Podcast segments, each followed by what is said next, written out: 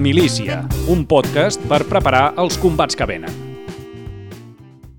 Benvinguts a la milícia. Els exèrcits són una de les institucions que formen el cor de l'estat-nació. Sovint es diu que si coneixes com es comporten els soldats d'un exèrcit, pots intuir la qualitat democràtica i moral d'aquella nació. Per diferents raons, algunes d'històriques i d'altres de pràctiques, la consideració que tenen els ciutadans envers el seu exèrcit varia molt d'un país a l'altre. No cal dir que els catalans, que no tenim exèrcit, mirem amb recel les forces armades d'Espanya, per motius obvis. En un moment que el paper dels exèrcits pot semblar més dubtós que mai, a la milícia hem volgut posar la lupa en el que ens queda més a prop. Les Forces Armades d'Espanya són un cos plenament integrat a l'OTAN i en missions i operacions internacionals i es consideren punteres a nivell mundial en l'àmbit de la ciberdefensa. Ara mateix, com ens explicarà el convidat d'avui, es troben en un procés de transició. Això significa que en els propers 15 anys, si ningú no hi posa remei, un percentatge superior al 40% de la seva tropa finalitzarà el servei. Fins ara, al podcast hem donat pinzellades d'alguns conflictes actuals, però avui ens centrarem en un dels actors que hi intervenen i he volgut començar amb l'exèrcit espanyol perquè com a catalans és important tenir coneixement de primera mà de quines són les potencialitats i les febleses que té un dels principals puntals de l'estat espanyol. Parlarem amb Guillem Pursals, politòleg, director i màster de seguretat, perquè ens expliqui com són les Forces Armades avui i quins són els reptes que afronten el futur.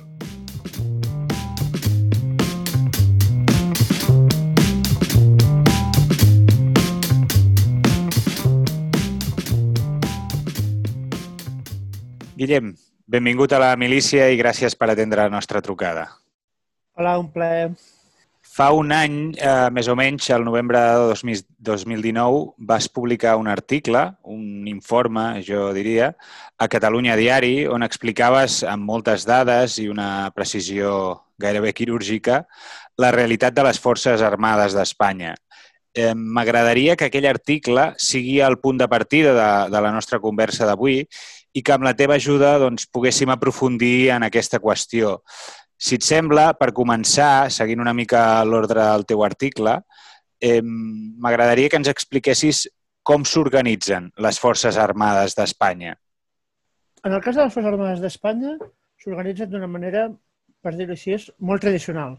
És a dir, tenim les tres branques de l'exèrcit com a tal, que és l'exèrcit de l'aire, l'Armada Espanyola, l'exèrcit de terra i després la Guàrdia Real i en si mateix la UME, que és la Unitat Militar d'Emergències, que ara l'hem vist molt pel tema del Covid i tot això, però fonamentalment són aquestes tres branques organitzades després de manera mixta amb aquests altres dos cossos que he dit, la Guàrdia Real i la UME. Llavors, es tracta d'un exèrcit principalment basat en l'exèrcit de terra, doncs concentra gairebé eh, aproximadament uns 70.000 soldats, hi ha d'un total d'uns 125.000 efectius. És a dir, tant l'Armada com l'exèrcit de terra tenen molt pocs efectius vinculats amb l'exèrcit de, de terra. Per tant, podem dir que es tracta d'un exèrcit principalment basat en l'exèrcit de terra, com pot ser en qualsevol altre cas, però en si mateix també és important destacar que tenim 27.000 soldats de l'exèrcit de l'aire i 25.000 efectius de l'Armada. I això és poc. Això, el que deies és que és, és quantitativament, comparat amb països de, de tamany similar, eh, és, és poc, són pocs efectius. Per exemple, si posem al costat un altre cos espanyol, com podria ser la Guàrdia Civil, veiem que la Guàrdia Civil té només ella 84.500 efectius aproximadament. Per tant, estem dient que la Guàrdia Civil té més efectius que l'exèrcit de terra i té més efectius que l'Armada i té més efectius que l'exèrcit de l'aire. Un sol cos que fa tasques, per dir-ho així, policials. Per tant, en si mateix veiem que estem en un període de transició, i això és important, perquè el propi Ministeri de Defensa ho recalca molt, això, i és veritat. Estem en un període de transició on els grans exèrcits han quedat obsolets i on s'està potenciant el que és la tecnologia militar en aquest sentit. També ara comentaves que eh, aquesta organització en els, en els tres exèrcits, terra, aire i, i la, el que seria l'armada, eh, és una organització molt, molt tradicional, molt, diguéssim, la, la que sempre s'ha fet. En, en altres exèrcits potser més avançats, o, o no, això ho, ho diràs tu, eh, aquesta organització és, és diferent, és molt diferent?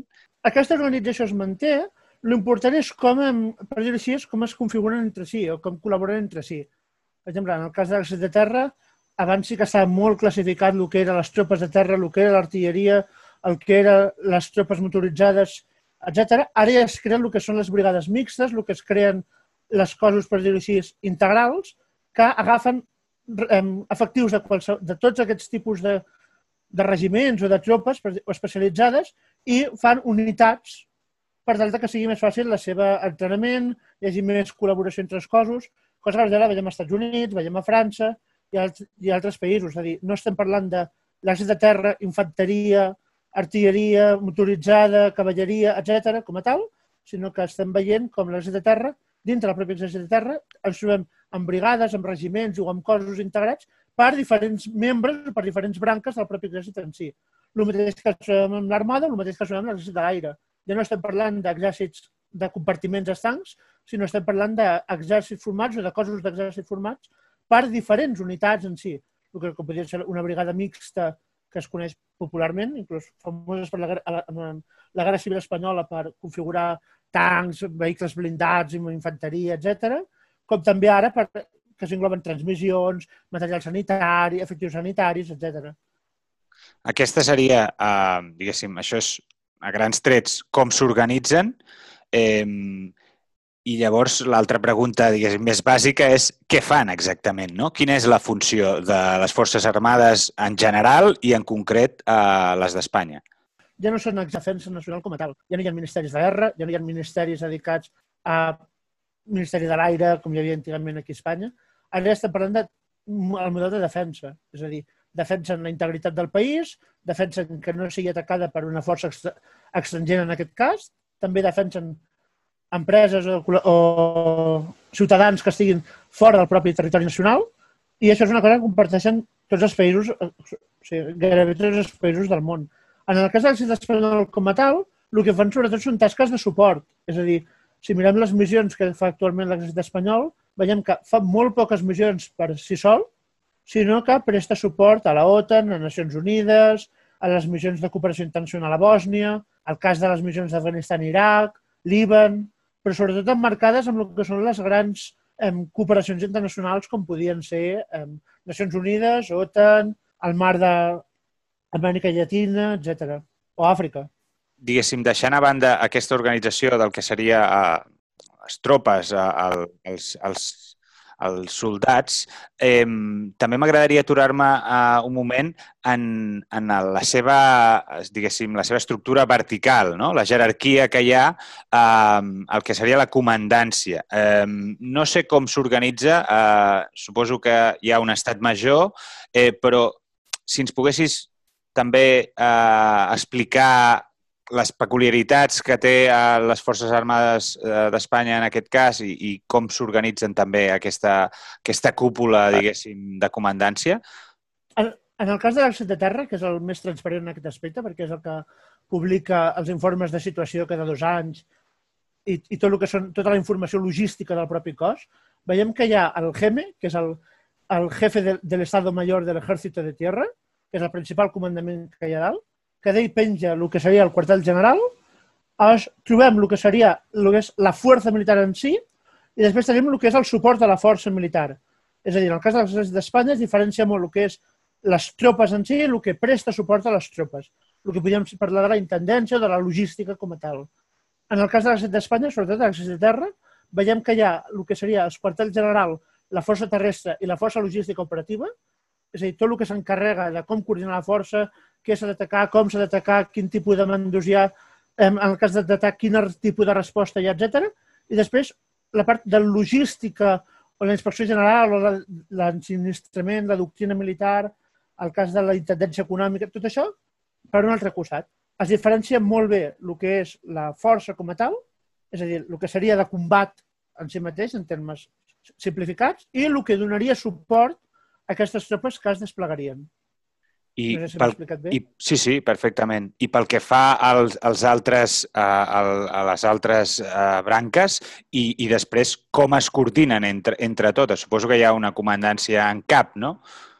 Que, bueno, en aquest cas suposo que és el, el cap de l'Estat, però eh, més enllà de, del paper, que no sé fins a quin punt és, és, no sé, això també ens ho podries explicar, si és un paper més, més aviat simbòlic o si el, el cap de l'Estat en, aquest, en aquest punt també eh, té una, té un poder de decisió sobre les, les forces armades, però més enllà d'això, doncs, com es coordinen la resta de, de, de branques de, de cada, cada, cada exèrcit?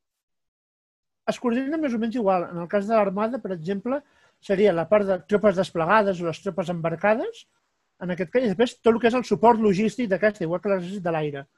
És a dir, en el cas de que es faci una operació o qualsevol tipus d'operatiu militar o desplegament militar, una cosa són les tropes de xoc o les tropes desplegades i l'altra cosa és la part logística. Per exemple, en el cas de, la, de lo que va ser la part de la formació de l'exèrcit iraquià i de la policia iraquiana, on van inclús la Guàrdia Civil a fer formació, veiem que hi ha la part militar sobre el terreny i després hi ha tota la part logística que es coordina l'armada, l'exèrcit de l'aire, l'exèrcit de terra, per tot el de donar suport logístic o aprovisionament en termes senzills a el que serien les tropes desplegades sobre Iraq. També veiem el mateix a Iraq, a Afganistan, a Guinea-Bissau, a Guinea-Bissau crec que també estan, en el cas d'Afganistan, etc. I en l'exèrcit... Per, per una banda la tropa i per altra banda el suport. I en l'exèrcit de l'aire, per tant, és, és el mateix. Sí, és a dir, tenim el que seria l'operatiu desplegat i després tot el que seria la part de logística d'aquest operatiu. I això, a, la... aquesta diferenciació tan clara entre la part logística i la part eh, més operativa o el que tu en dius la, la força, eh, eh, és, és habitual en, en la resta d'exèrcits o, o és una peculiaritat? No, la, la veritat és que com, es, com formem part de l'OTAN, sí que és cert que la pròpia OTAN en si ha intentat coordinar que tots els exèrcits funcionin més o menys igual en aquest aspecte. Sí que és cert que en el cas dels països de l'est podíem trobar a principis, bueno, a finals dels anys 90, inclús després de caure el mur, una estructura on dintre dels propis exèrcits tenien la part logística, però sí que és cert que en el cas d'Estats Units o Espanya o França, la força logística és una i després hi ha, és a dir, la part de com desplegar les tropes sobre el terreny, com ordenar-les, com organitzar-les, on, on han d'aprovisionar-se, etc. I després ha la part de com fer aquest aprovisionament. En el cas del marc de la OTAN, això serveix de molta ajuda perquè el fet de que totes les forces funcionin més o menys igual en aquest aspecte ajuda que amb les missions de cooperació internacional, com les franco-espanyoles o les diferents en França, Regne Unit, etc., hi hagi una cooperació més ràpida en aquest cas. Llavors, um, si et sembla bé, el que podríem fer és um, centrar-nos una mica una estona en, en cada un d'ells i, i que ens fessis un resum, potser no cal, no cal que sigui tan detallat com a l'article on explicaves exactament amb, amb quins dispositius tàctics comptava eh, cada branca, etc. però sí que un, una mica per exemple, a l'exèrcit de terra, que és el que has parlat més, no? Uh, quan són, uh, quin, de quins recursos uh, disposen, uh, una mica si poguéssim anar fent uh, aquesta, bueno, aquesta explicació amb cada un d'ells per, per fer-nos un dibuix així més, més general. En el, en el cas de, sobre el nombre, el nombre d'efectius i el cost, és, és molt difícil de cribar, és a dir, el nombre d'efectius sí que és cert que és transparent, que són els que he dit al principi, que tenim que l'exèrcit de terra té 75.000 efectius, l'exèrcit de l'aire té 27.000 efectius i l'armada té 25.000 efectius, però sí que és per la part de el que podríem dir defensa nacional i el que seria l'estratègia nacional, hi ha molta dada que no es publica, és a dir, saber de quins recursos disposa cada branca, saber de quins disposos, recursos disposa cada exèrcit, etc. Mm, has de mirar molt les entranyes del propi BOE i dels, i dels pressupostos generals de l'Estat per saber-ho. És dir, no és una cosa que, de fet, cap país ho facilita en si mateix. Podem saber on estan desplegats, podem saber quin operatiu forma part de cada cos, però per motius de seguretat nacional hi ha molta informació que no es publica aquí. I pel que fa al, diguéssim, a l'armament de què disposen, no? el, el, els, els dispositius tàctics amb què compten, eh, tu diries que, eh, per exemple, si parlem eh, de l'exèrcit de terra, eh, tant els carros de combat, eh, els missils a terra-aire, eh, coses així, eh, creus que és estar en un nivell similar a, a d'altres exèrcits equivalents eh, dels països eh, que formen part de la OTAN? eh, està eh, tecnològicament avançat o creus que hi ha que arrossega algun, alguna, d'alguna forma que està patint encara aquesta, aquest procés de transició dels que ens parlaves i que, per tant, compta amb, amb unes forces eh, més o menys eh, antiquades? En el, en el cas d'aquesta resposta, les pròpies declaracions que va donar el cap de l'estat major de l'Armada, que van ser molt clares, és a dir, durant, des del, en aquests últims 10 anys, 13 anys, s'han donat de baixa 27 vaixells o buques com d'això i només hi ha 9 de nous. És a dir, estem parlant, estem parlant de que l'Armada tenia 98 vaixells, dels quals va donar 27 de baixa i 9 d'alta. És a dir, estem parlant d'un exèrcit que en si mateix i d'una armada i d'unes forces armades que ens trobem en un període de plena transició. De fet, molts dels contractes que apareixen ara en defensa, aquestes notícies, no? aquests titulars de 20.000 milions en defensa, al mitjans d'agost s'ha actualitzat unes dades de defensa, etc. Estem parlant de que s'està intentant prorrogar moltes coses, el que seria la, la pròpia data d'obsolència dels vehicles i de tot, perquè ens trobem que, per exemple, en el cas de la pròpia Armada, i això ho va dir el propi, el propi almirall de l'Estat Major a, una entrevista, en una revista, normalment l'edat mitjana d'un vaixell de l'Armada són uns 30 anys de servei, aproximadament. La mitjana d'anys de servei que portem actualment són 27. Llavors, el que, fa, el que s'està fent és renovar el que seria l'armada en si, inclús alguns vaixells, per tal d'afegir-li uns 10, uns 10, 15 anys de, d'obsolència en si mateix. És a dir, que, que fins aquí 10 anys no ens haguem de preocupar per aquestes coses. I, I aquesta transició cap a on, cap a on és? És a dir, tu mm, ens ho comentes això, no? que estem en un procés de transició eh, pel que fa al, a, a com, com evoluciona el, la força de, de, de les forces armades d'Espanya, però això en què es tradueix? Eh, és a dir, quin és el, el fi? La finalitat principalment és que cada cop es, es disposi de menys home sobre el terreny en aquest sentit, és a dir, que, que calguin menys desplegar tropes i en si mateix que no calguin grans contingents de tropes per tal de portar a terme les mateixes accions que es podrien portar a nivell tecnològic. En el cas d'Espanya, per exemple, col·labora molt amb els països nòrdics a nivells de ciberseguretat, ciberdefensa, protegir la indústria espanyola de possibles ciberatacs, protegir la pròpia infraestructura crítica de l'estat de possibles ciberatacs, també s'està potenciant el que seria la tecnologia com drons, míssils intel·ligents, tecno diferents tecnologies, el que serien, per dir una reformació tecnològica del propi exèrcit. Ens trobem en una situació dintre de les Forces Armades que el propi, quan, quan mires les dades de defensa es veu, i és que segons els propis estudis interns del Ministeri de Defensa, trobes que l'edat mitjana que podria haver-hi de les tropes serien uns 24-25 anys, segons estableix el propi Ministeri. I l'edat mitjana actual són uns 35-34 anys. Sí, aquest, aquest és un dels, dels punts que més cridaven l'atenció del teu article, perquè comentaves que eh, eh, la, diguéssim, la, la vida laboral, per dir-ho així, d'un soldat era fins als 45, pot ser? Uh, no sé si... Sí, fins als, no, no, fins als, fins als, 40, als 45 anys els donen l'opció de, ju, de jubilació, per dir-ho així, que és gairebé forçosa, de dir, s'ha acabat el teu servei dintre del propi exèrcit, a partir d'ara o bé et reenganxes com a suport o bé busquis una feina, per dir-ho així de manera directa, no? Uh -huh. I per tant, però seguint el, el, el que deies, és que amb aquestes dades el que es troba en les Forces Armades és que d'aquí crec que ara no ho tinc davant, deies el 2035, em sembla que era, d'aquí al 2035 hi hauran eh, 50.000 soldats, de, recordem que estem parlant d'un total d'uns 120.000, eh, que hauran, diguéssim, que s'hauran hauran acabat el seu servei i que, per tant, diguéssim, eh, d'aquí a 15 anys, eh, prop de 40, 40 i alguna per cent del contingent total de les Forces Armades ja no serà hàbil per, per, pel servei. Sí, sí, és un dels principals problemes que té a dia d'avui les, les Forces Armades d'Espanya. És una cosa que el propi Ministeri ha reconegut, la ministra també, i sobretot els propis exèrcits ens ho han reconegut. I és que ens estem trobant que no estan, no estan entrant tropa en aquest aspecte i ens trobem un exèrcit cada cop més envellit. I en si mateix tampoc se li garanteix res als propis militars una vegada acaben el servei a dia d'avui.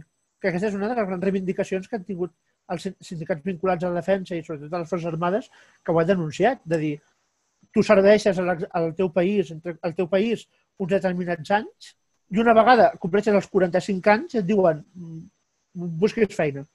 I clar, on tens una persona que no té experiència laboral en algun aspecte, amb 45 anys que trobi feina al mercat laboral.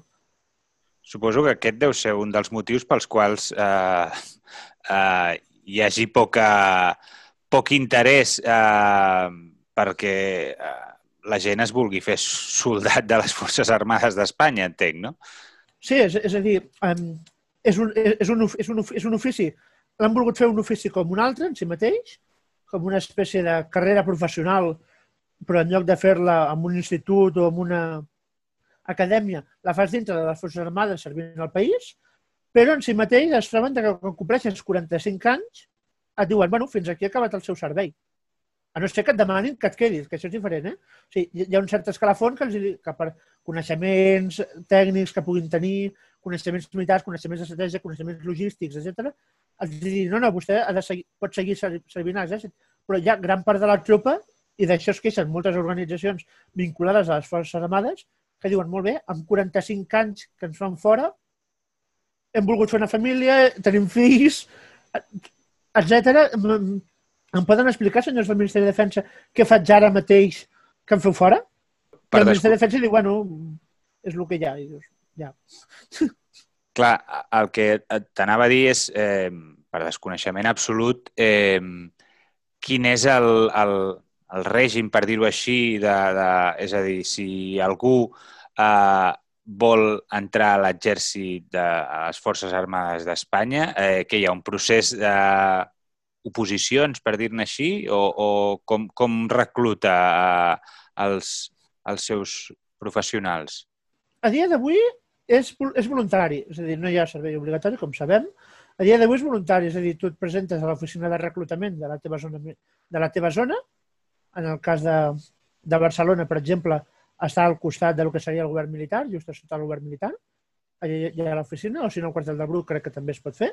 Const, consti que, que no estem animant a ningú. a No, no, no, no, no és, és la informació, és, és la Sí, home, informació sí. d'això, no? Només a tu dir, ho volia puntualitzar. Pots, pots, pots anar i apu- i apuntar-te voluntàriament, llavors entres dintre d'un període de, primer de tot, que siguis apte pel servei després d'unes proves, etc. i si consideren que ets apte pel servei i no et denega la sol·licitud, llavors formes part durant un any, això és per ser tropa, eh? Mhm. durant un any de formació com a soldat. 16 setmanes crec que són com a formació bàsica de tropa per qualsevol del cos que, que et vulguis dedicar. I després, una vegada tria servei, és a dir, per exemple, em vull estar enginyers o vull estar artilleria, són 40 setmanes de formació.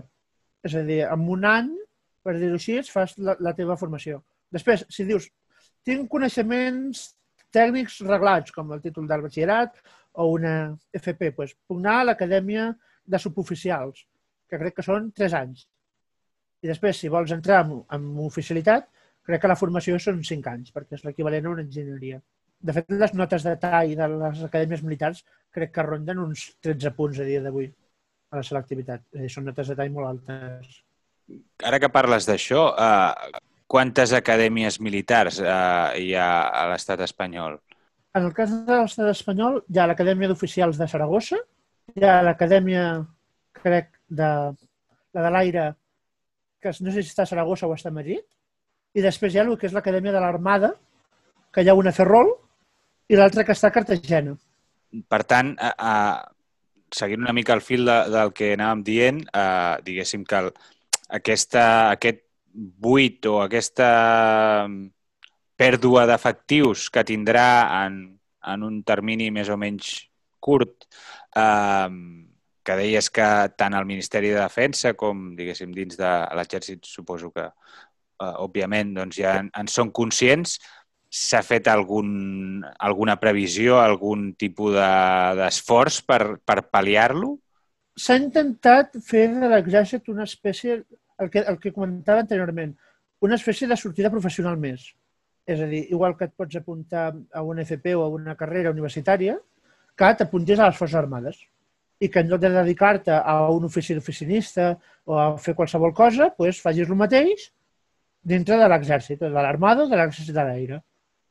Clar, el- el- el- l'assumpte que hi ha aquí és aquest de dir, molt bé, i després dels 45 anys, què passa?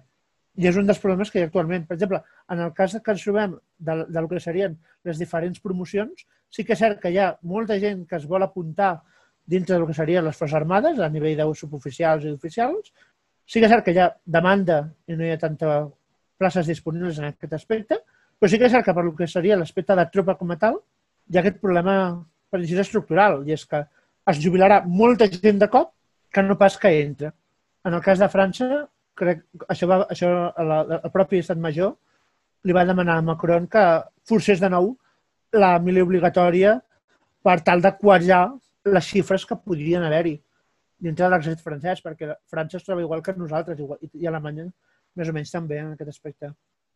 Crec que seria estaria bé per, per, per avançar. Um, tu que ets, uh, diguéssim, un expert en la matèria, uh, que ens aclarissis alguns conceptes de seguretat um, perquè també ens quedi clar de què parlem. Uh, quan parlem de Forces Armades, i si m'equivoco em corregeixes i em faràs totes les, les puntualitzacions que calgui, crec que eh, es diferencia entre el que és la política de defensa la política exterior, en la qual doncs, les Forces Armades hi tenen un paper, i el que s'anomena la política de seguretat nacional.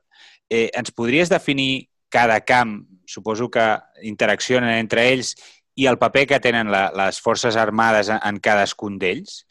Sí, en el primer cas, per exemple, el que serien les Forces Armades en si, estem parlant de que serien els efectius militars com a tal. És a dir, que hi ha gent que forma part de la, el que vindríem a dir de l'exèrcit, de l'armada, de l'exèrcit de l'aire, Guàrdia, Guàrdia Real i UME. Això són les Forces Armades d'Espanya, en aquest sentit. És a dir, tota aquella gent que està vinculada a la defensa, sigui o bé eh, a través de la defensa del de la defensa nacional en aquest aspecte, o bé sigui a través de civils que formin part de l'administració de defensa que també n'hi ha. No, en el potser... cas del que seria...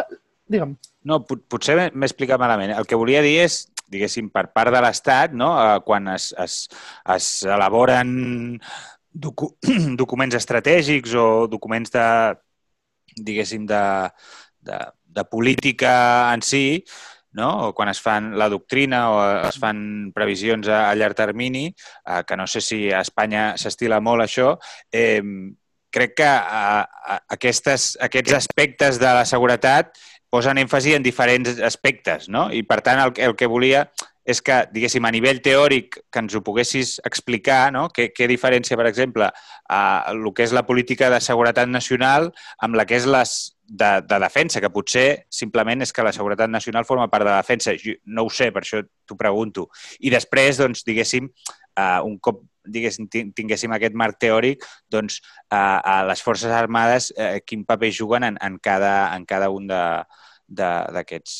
Sí, aquí hi ha dos conceptes que no s'han de confondre i un és el que és l'estratègia nacional de seguretat o la seguretat nacional i l'altra cosa és la defensa nacional, que a vegades s'intercalen però no és ben bé el mateix. És a dir, en el cas de la defensa nacional estem parlant de, de el que seria la protecció del territori nacional, és a dir, dintre d'Espanya, quins riscs hi ha, quines amenaces hi ha i com fer front a aquestes. I després hi ha l'estratègia de seguretat nacional, que no només és en cas d'atac o en cas de, de per dir així, atacs, sinó també en el sentit d'estabilitat. Per exemple, en el cas de la seguretat nacional, també estarien involucrades diferents indústries, difer eh, el que serien infraestructures crítiques, com podrien ser les vies de l'AVE, eh, les centrals nuclears, centrals tèrmiques, embassaments, que ningú contamini les aigües d'un embassament, que ningú contamini les aigües... Tot això seria la part de seguretat nacional. És a dir, el que podríem vincular a un senyor que està estudiant un cas d'un possible atac a, dintre del territori espanyol, escoltant una conversa a un cafè de Kabul o un cafè de Iraq o de Bagdad, en aquest aspecte, això seria el que seria la seguretat nacional. Aleshores, I l'altra cosa és el que és la defensa nacional, que la defensa nacional són totes aquelles polítiques de defensa que tenen a veure amb la protecció del que seria l'Estat, que és diferent. D'acord, crec, crec que, que m'ha quedat més clar. En, en, en, no, en el cas de la seguretat nacional, no només està en joc l'Estat, sinó que també estem parlant, la pròpia administració i el propi Estat en si, sinó que estem parlant també de recursos naturals, estem parlant d'infraestructures, estem parlant de ciutats, estem parlant de protecció dels carrers. Per exemple, en el cas del terrorisme, podríem dir que engloba seguretat nacional, i també defensa nacional. però en el cas de, per exemple, un atac de posem, un exèrcit que invadeix un altre un país, estaríem parlant estrictament de seguretat nacional. O sigui que són molt, molt, dos conceptes que són molt semblants, però en si mateix són diferents. La seguretat nacional abarca el que seria la defensa nacional, en canvi la defensa nacional no abarca la seguretat nacional.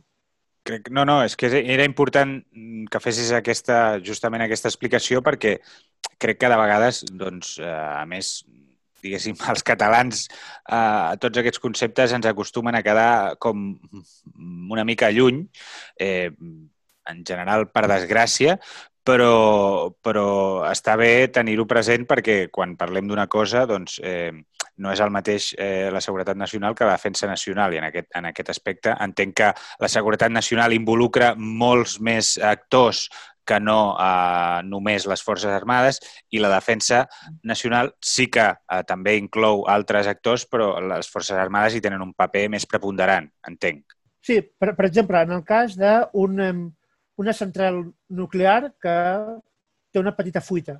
Qui intervé aquí seria Seguretat Nacional.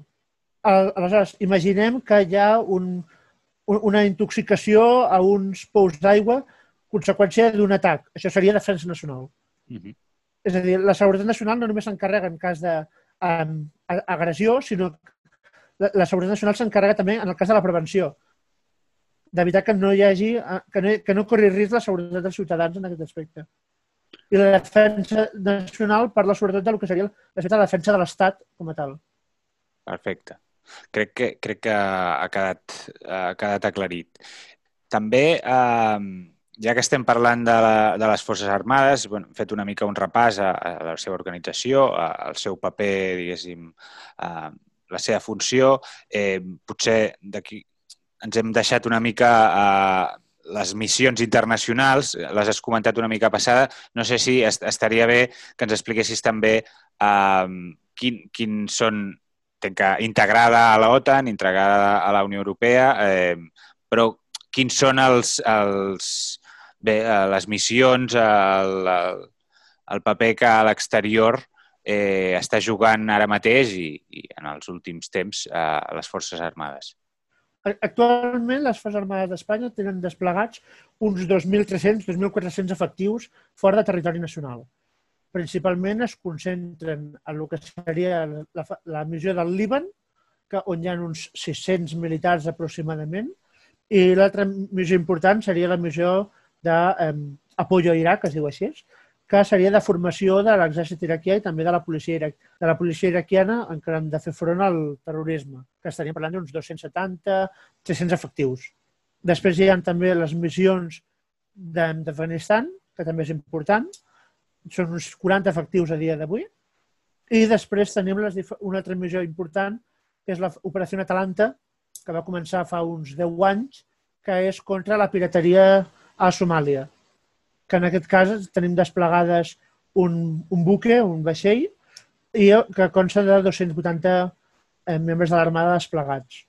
Si ho mirem com a efectius militars desplegats, podem veure que, propi, segons les dades del Ministeri de Defensa, tenim uns 1.500 efectius de l'exèrcit de terra desplegats, uns 500 membres de l'Armada, que principalment estan destinats a vaixells, uns 250 membres de l'exèrcit de l'aire, 11 guàrdies civils i després tenim 38 efectius del Ministeri d'Interior també desplegats. Mm -hmm.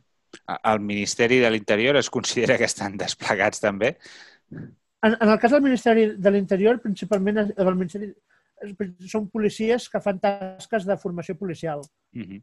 que això és una cosa que recull el Ministeri de Defensa com a missió exterior d'acord que col·labora amb ells en el cas de la formació policial, però en si mateix no podíem dir que estiguessin desplegats, sinó que fan tasques de formació com a tal en si. Després, eh, també hi ha un tema, eh, crec que eh, és inevitable una mica que repassem també la, la funció històrica de, la, de les Forces Armades en aquest, mm, diguéssim, en aquestes pinzellades que estem fent per, perquè algú, diguéssim, que, que no n'hagi que no n'hagi sentit a parlar gaire o que no estigui gaire interessat, d'això segur que sí, és aquesta certa tradició dins de l'exèrcit espanyol d'arrogar-se una funció que no és la seva, sigui a través de cops d'estat, de pronunciaments militars. Eh, jo no sé si eh, que és, és, és difícil de, de valorar, suposo, però no sé si creus que és un dels motius pels quals la, la població civil, i ja no parlo uh, dels catalans, sinó la societat espanyola, comentaves en, en, en el teu article que um, en diferents enquestes s'ha vist que hi ha una certa reticència, diguéssim, a, pel que fa a la cultura de, de, de seguretat, no? I que fins i tot doncs, aquest, aquesta tradició digue-li colpista, digue-li d'intervenció en, en la direcció política de l'Estat, eh, si, és que, si és una de les raons pel que ha fet que, doncs, això, que, que la societat espanyola eh, miri amb reticència a les Forces Armades. No sé si veus que hi, té, hi pot tenir relació o no. És una pregunta complicada, però crec que sobretot no ve tant en el sentit d'antimilitarisme com a tal, sinó el fet de veure's com una cosa del passat.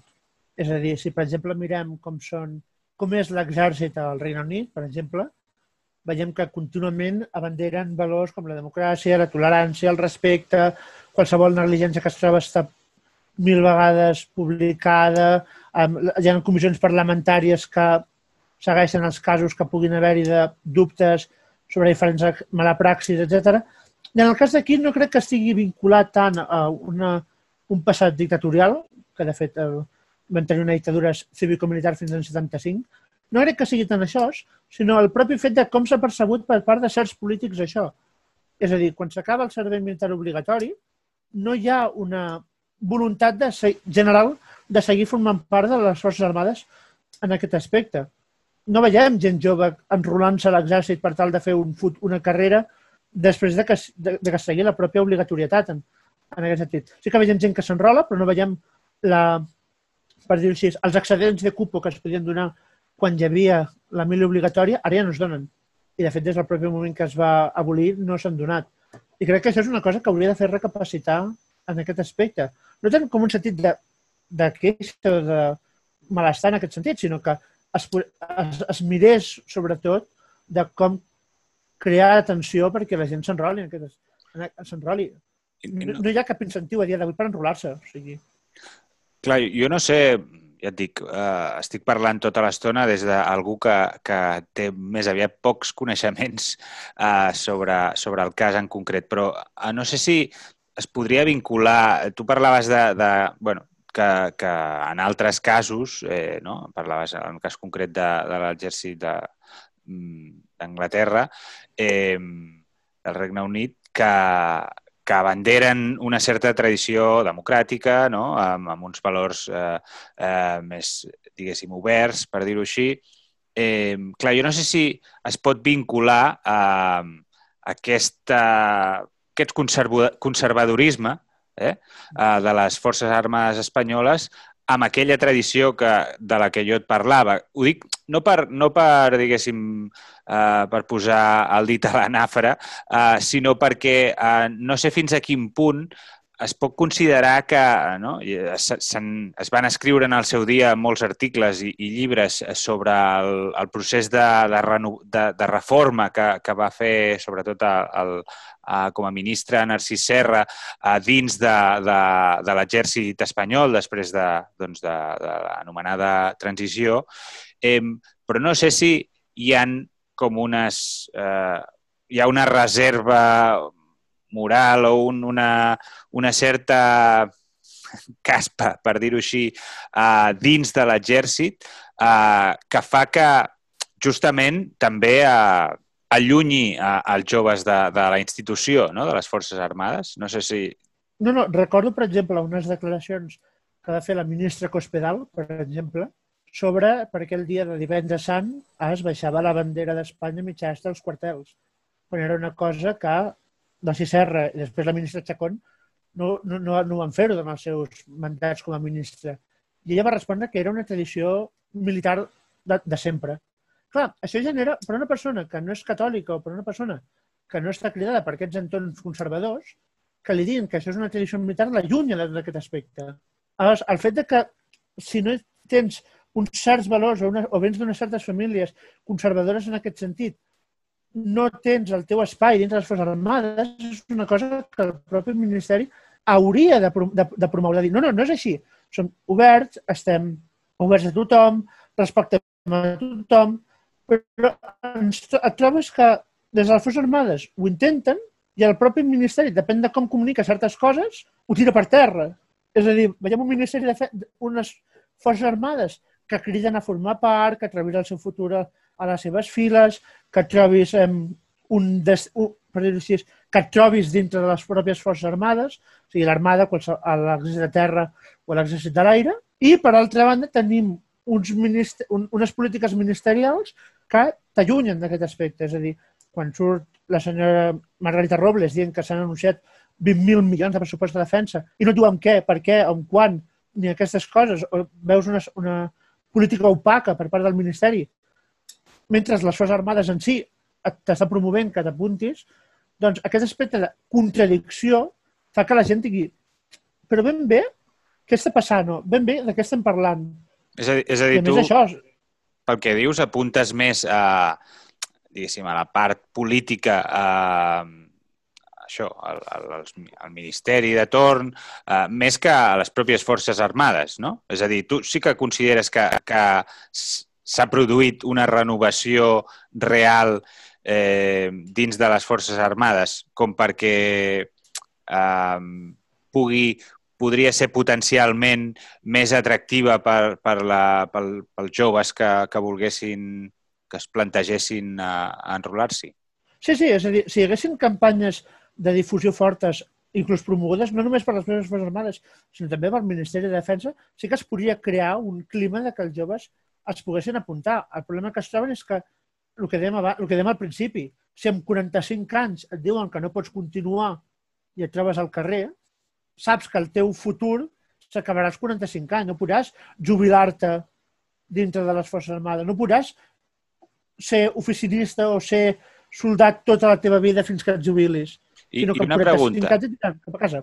I el, els, diguéssim, els exèrcits professionals d'altres països, no sé, el Regne Unit en parlàvem ara, o França, o el que sigui, um, això, això no es produeix. Als 45 anys eh, no, no s'acaba la vida, la carrera d'un militar, no? Entenc?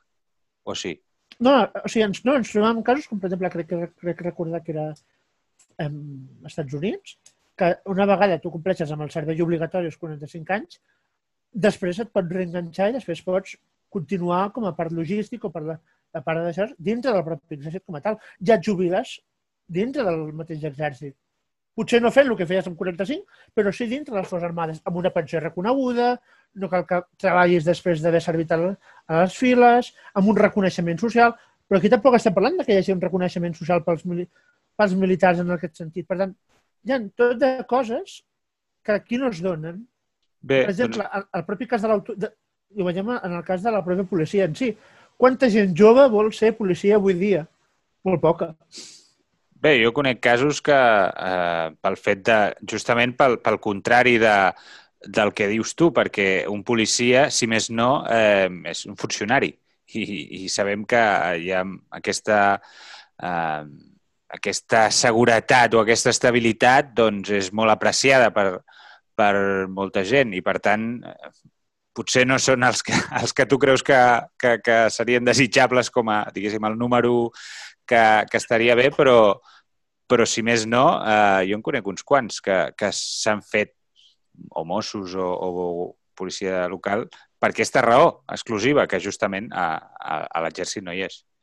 No, de, fet, de fet, les principals queixes que han vingut per part de les reformes militars en aquest aspecte és el fet que dintre de la policia no hi és.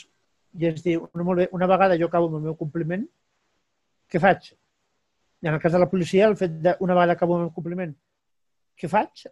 en molts casos és no, no, vostè pot continuar dintre del cos o vostè té unes garanties i una, i una seguretat de jubilar-te sent membre del cos, cosa que dintre del, del, del Ministeri de Defensa a dia d'avui ho està estudiant, però a dia d'avui no es dona. bueno, doncs això em va bé per uh, lligar una mica amb l última part, eh, que volia, no sé, si ens, si ens quedés una mica més de temps, però crec que ja estarà, ja estarà bé, eh, perquè com a últim volia encetar el tema de les Forces Armades i Catalunya, però crec que no fa falta, i en tot cas, si no, doncs ja un altre dia tornarem a parlar. El que sí que volia és fer un, parlar una mica de les fortaleses i les debilitats de, de les forces armades, una mica, eh, que també ho feies també en el teu article. Eh, crec que una debilitat eh, segurament ja és la que hem, hem estat repetint fins ara, no? aquesta, aquesta inseguretat o aquest, aquest forat, aquest buit que hi ha eh, per, algú que es vulgui, pel, pel, bueno, pels militars que als 45 anys es queden amb una mà al davant i una mà al darrere, eh, però no sé si me'n podries dir alguna més. A, a dia d'avui, les principals debilitats que té el, les Forces Armades com a tal és que al trobar-se en un període de transició i en plena crisi econòmica és la incertesa de quan acabarà aquest període de transició, que això és molt important. És a dir, tenim un material que s'ha de renovar, tenim uns vaixells que, com diu el propi cap de l'Armada, s'han de renovar, ens trobem en una situació de crisi econòmica, per tant, tot el pressupost que podria anar destinat no hi és. I en si mateix una crítica que s'ha fet tant des de diferents mitjans com des del propi exèrcit com des del propi Ministeri de Defensa. I és el fet de dir necessitem gent per mantenir la infraestructura que té l'exèrcit en si. És a dir, cada cop hi ha menys gent dintre del cos, ens trobem que cal mantenir la infraestructura com a tal i crec que una de les principals debilitats que pot tenir a dia d'avui les Forces Armades com a tal és aquesta falta de tropa i és que mm. tenim molts, hi ha, segons les pròpies estadístiques d'ells mateixos, hi ha molts oficials i hi ha molt poca tropa. I això fa que costi molt eh, reformar les diferents centres logístics, les bases, omplir els quartels, etc. I, pel, I pel que fa a, bé, de l'armada, ja, ja n'hem parlat també eh, pel que fa a les mancances eh, i, i a la longevitat eh, de, de la flota. Eh, no sé si en algun altre cas, no sé si l'exèrcit d'aire o l'exèrcit de terra, també hi ha algunes mancances notables a nivell d'armament o, de, o de forces tàctiques que, que creguis destacables. En el cas de l'exèrcit de l'aire, per exemple, s'està renovant ara mateix els Harriers, els avions que es poden fer amb despegue vertical i tot això, per substituir-los per F-35 i per nous avions que puguin des despegar des dels nou, des de, per exemple, el, Juan, el vaixell Juan Carlos I, un dels vaixells més moderns del món que a dia d'avui no es pot eh, suplir del tot per falta d'efectius en aquest aspecte. I crec que això és important també de destacar. El fet de que hagi coincidit, com deien, la crisi econòmica amb el procés de reforma fa que les coses vagin més lentes del que haurien de... Ah, sí, sí, més lentes del que, del que s'esperaria. I, I pel que fa a les fortaleses, eh, quins són els punts forts eh, de les Forces Armades? Crec que els punts forts que té les, les Forces Armades el propi Ministeri de Defensa és que en si mateix són imprescindibles en moltes missions i en si mateixos estan a tot, a tot arreu, és a dir, col·laboren amb la OTAN, col·laboren amb, amb Nacions Unides, col·laboren en missions en diferents països com podia ser en França, tenen presència a l'Àfrica, tenen presència a Sud-amèrica, tenen presència a, a la pròpia Europa. Per tant, estem parlant d'un exèrcit que està desplegat a quatre continents i que estem parlant d'un exèrcit que té gairebé aproximadament unes 16 milions actives arreu del món. I una fortalesa que és molt important, de nou, d'acord als nous reptes de seguretat, és que estem parlant d'unes forces armades punteres amb ciberdefensa i amb ciberseguretat. Això què significa exactament eh, quan, perquè al teu article també ho mencionaves, que eh, és considerada la setena potència eh, mundial eh, respecte a, aquesta, a aquest aspecte a la ciberdefensa. Eh, què significa a nivell pràctic? Eh, què vol dir? Que eh, eh, els professionals són els més ben formats? Eh, la tecnologia... Què, què és exactament el, el, que la fa, el que la fa especialment bona? En el cas d'Espanya, el que la fa potencialment bona en aquest aspecte és la formació que reben, que sobretot la reben de les repúbliques bàltiques, de Finlàndia i els principals països punters en aquest sentit, i també dels Estats Units. I és un aspecte molt important el cas de la, ciber, de la ciberseguretat i de la ciberdefensa, perquè a dia d'avui, com, o sigui, els països ja no s'invadeixen entre si, però sí que, et pots, sí que et pots trobar, per exemple, una milícia que des d'un ordinador portàtil en un cafè bar d'una ciutat europea et pugui estar hackejant una central tèrmica. I el que fa la ciberseguretat és dir, ep, cal fer un, un, un sistema per tal de que aquest cas no es dongui. O tenim X país que ens està robant dades o està intentant aconseguir dades de la nostra infraestructura. Doncs ep, ho hem detectat i ho estem impedint de que ho faci. I, és a dir, i... hem, de, hem de deixar de veure la, seguretat, la seguretat i la defensa com un assumpte de tropes que es mouen o de tropes que van amunt i avall, en aquest sentit. Ciberdefensa també és que evitis de que et hackegin un sistema informàtic i mitja ciutats es quedi sense llum o es quedi sense aigua. Sí, clar, això seria un, un tema, si de cas anem deixant per una propera conversa, perquè també, diguéssim, el, el, no? hi ha tot un debat i tota una, una doctrina sobre uh, els tipus de guerra modern, no? I, i per tant, jo no sé si pel que dius, en aquest aspecte en concret de, de la ciberseguretat, eh, Espanya eh, les forces de defensa les Forces Armades estan preparades, però no sé si en els altres aspectes, eh, per aquestes guerres que se li diuen de moltes maneres, eh, postmodernes, híbrides, eh, eh, de guerrilla global, eh, se li pot dir de moltes maneres, però no sé si està ja no només preparada, sinó orientada eh, de cara a aquests combats moderns. En el cas d'Espanya és un dels que sí que ho està encara que a nivell mediàtic ens quedem amb anècdotes com el submarí que s'enfonsa o coses així, a nivell de... que s'enfonsa i, no, i no reflota, mm. en el, cas, en el cas de la ciberseguretat i la ciberdefensa, sí que és cert que, per exemple, el propi INCIBE, que està vinculat al Ministeri d'Indústria, sí que fa una tasca molt bona en aquest aspecte de protegir el que seria la indústria espanyola d'atacs de externs o interns contra la pròpia infraestructura en si mateix el Ministeri de Defensa sí que està preparat i està, està capacitat per fer-ho, per plantar cara amb aquests nous horitzons, això sí. Doncs amb això crec que podem tancar la conversa per avui i ja dic, com ens hem deixat cosetes eh, per repassar, però com a primer, bueno, per algú que no en tingui massa idea, jo crec que hem pogut fer un dibuix força aproximat de què són la, les Forces Armades d'Espanya avui. Per tant, doncs, t'agraeixo que hagis uh, prestat, ens hagis prestat a, el teu temps i fins la propera, Guillem. Ha sigut un plaer. Fins la propera. I els oients, uh, fins al proper capítol. Moltes gràcies.